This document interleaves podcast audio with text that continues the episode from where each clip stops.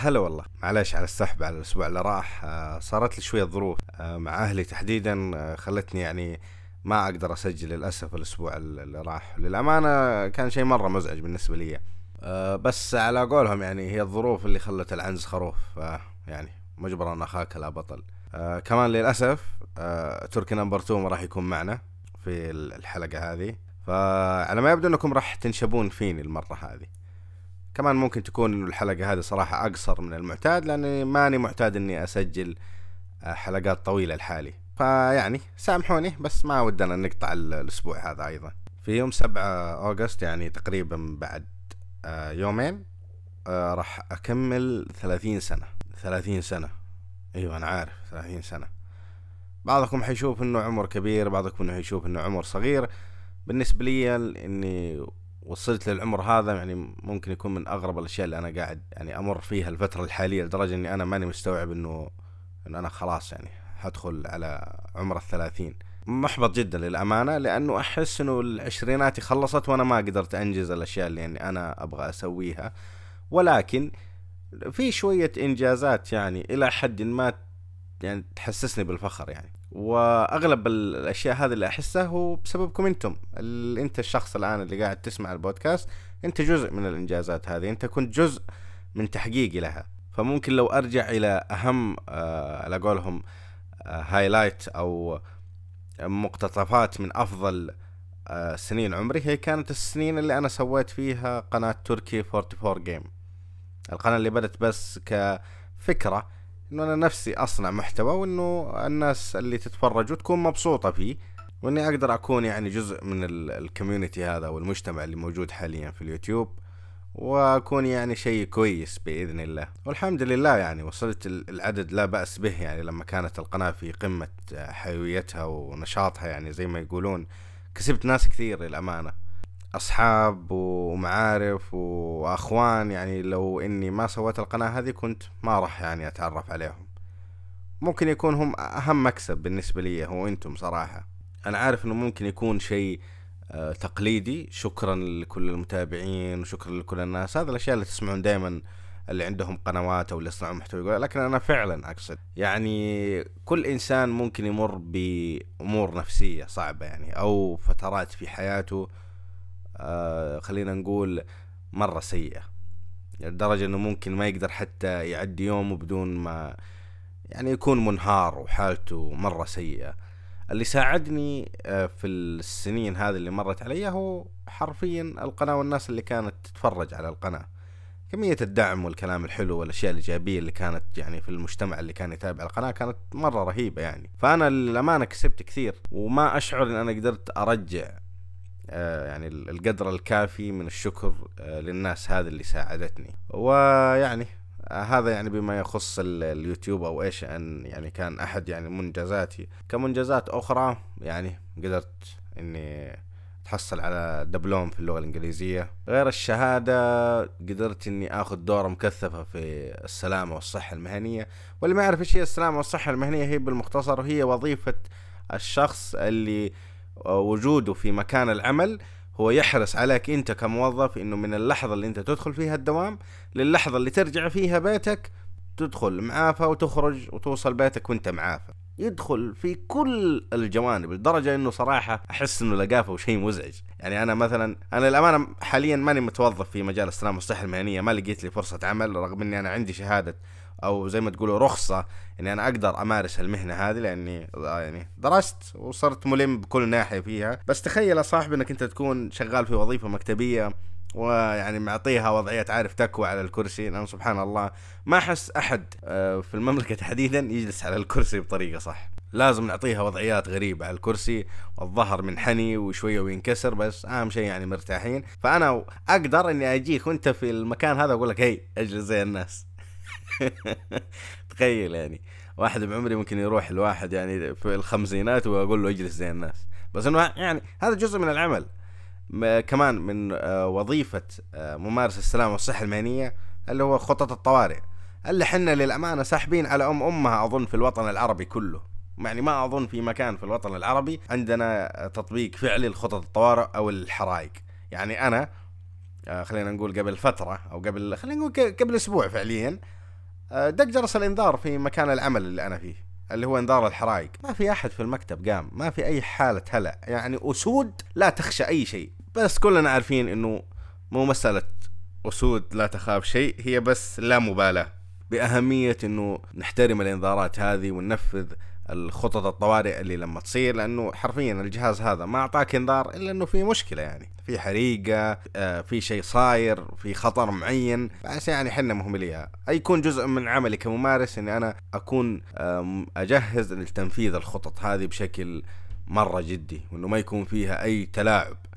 يعني لازم دق الجرس لازم كلنا نطلع لازم كلنا نروح إلى نقطة التجمع. كمان يدخل آه يعني ممارس السلامة والصحة المهنية إنه يكون مهتم بجميع أدوات السلامة داخل المبنى آه علبة الإسعافات الأولية الطفايات تكون كلها محدثة وعليها صيانتها دائما مخارج الطوارئ تكون دائما مفتوحة الخ الخ الخ الخ يعني حاجات كثيرة لما أنا ممكن أتكلم إلى بكرة في مجال يعني السلامة والصحة المهنية. وللحمد لله إني يعني صراحة يعني درستها وأخذت رخصة الممارس هذه لأنه للأمانة فادتني يعني. وشيء حلو صراحة إنه الإنسان يضفي على نفسه مهارات حتى لو إنه يعني آه خلينا نقول مو داخلة في مجال عمله بشكل مباشر ولكن هي مهارات إضافية تضيفها لنفسك تضيفها للسيرة الذاتية الخاصة فيك. مع إني ضد إنك بس تعبي مهارات للسيرة الذاتية لازم تعبي أنت أنت كإنسان لازم تكون عندك مهارات متعددة. هذا يعني اللي أشوفه.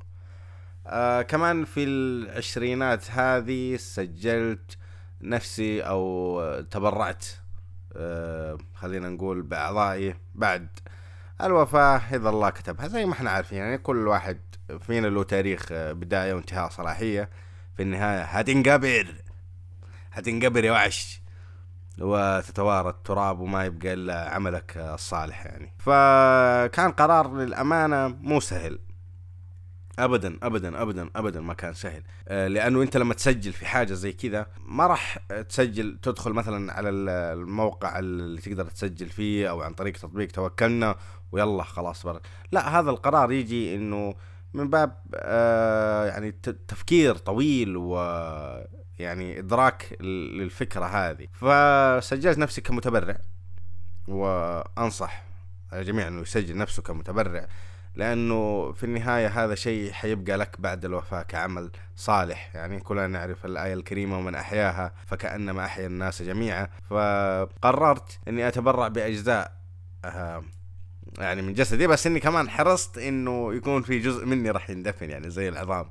يعني ما راح أتبرع بنفسي عارف للجامعات يشرحون علي بعدين. لا يعني مثلا زي بالذات أكثر الناس اللي يعانون حاليا يعني في من الأمراض المزمنة صراحة اللي تؤلم واللي تعور القلب لما انت تشوفها وتمر عليك اللي هو مرضى الكلى تحديدا. فإذا كانت كويسة يعني مع إني أشك لأني صراحة مرة مهم لصحتي قررت إني أتبرع يعني بكليتي يعني. ف يعني ممكن شخص يقدر ينتفع فيها ويكون لي أجر يعني صراحة بعد الوفاة لأنه ما حد يضمن نفسه للأمانة في الدنيا هذه ومهما قدمت من عمل صالح أنت ما تعرف إيش الأشياء السيئة اللي أنت سويتها سواء بقصد أو غير قصد فممكن تكون لك كفارة يعني في يوم الحساب العظيم. وإيش ثاني سويت في عشريناتي؟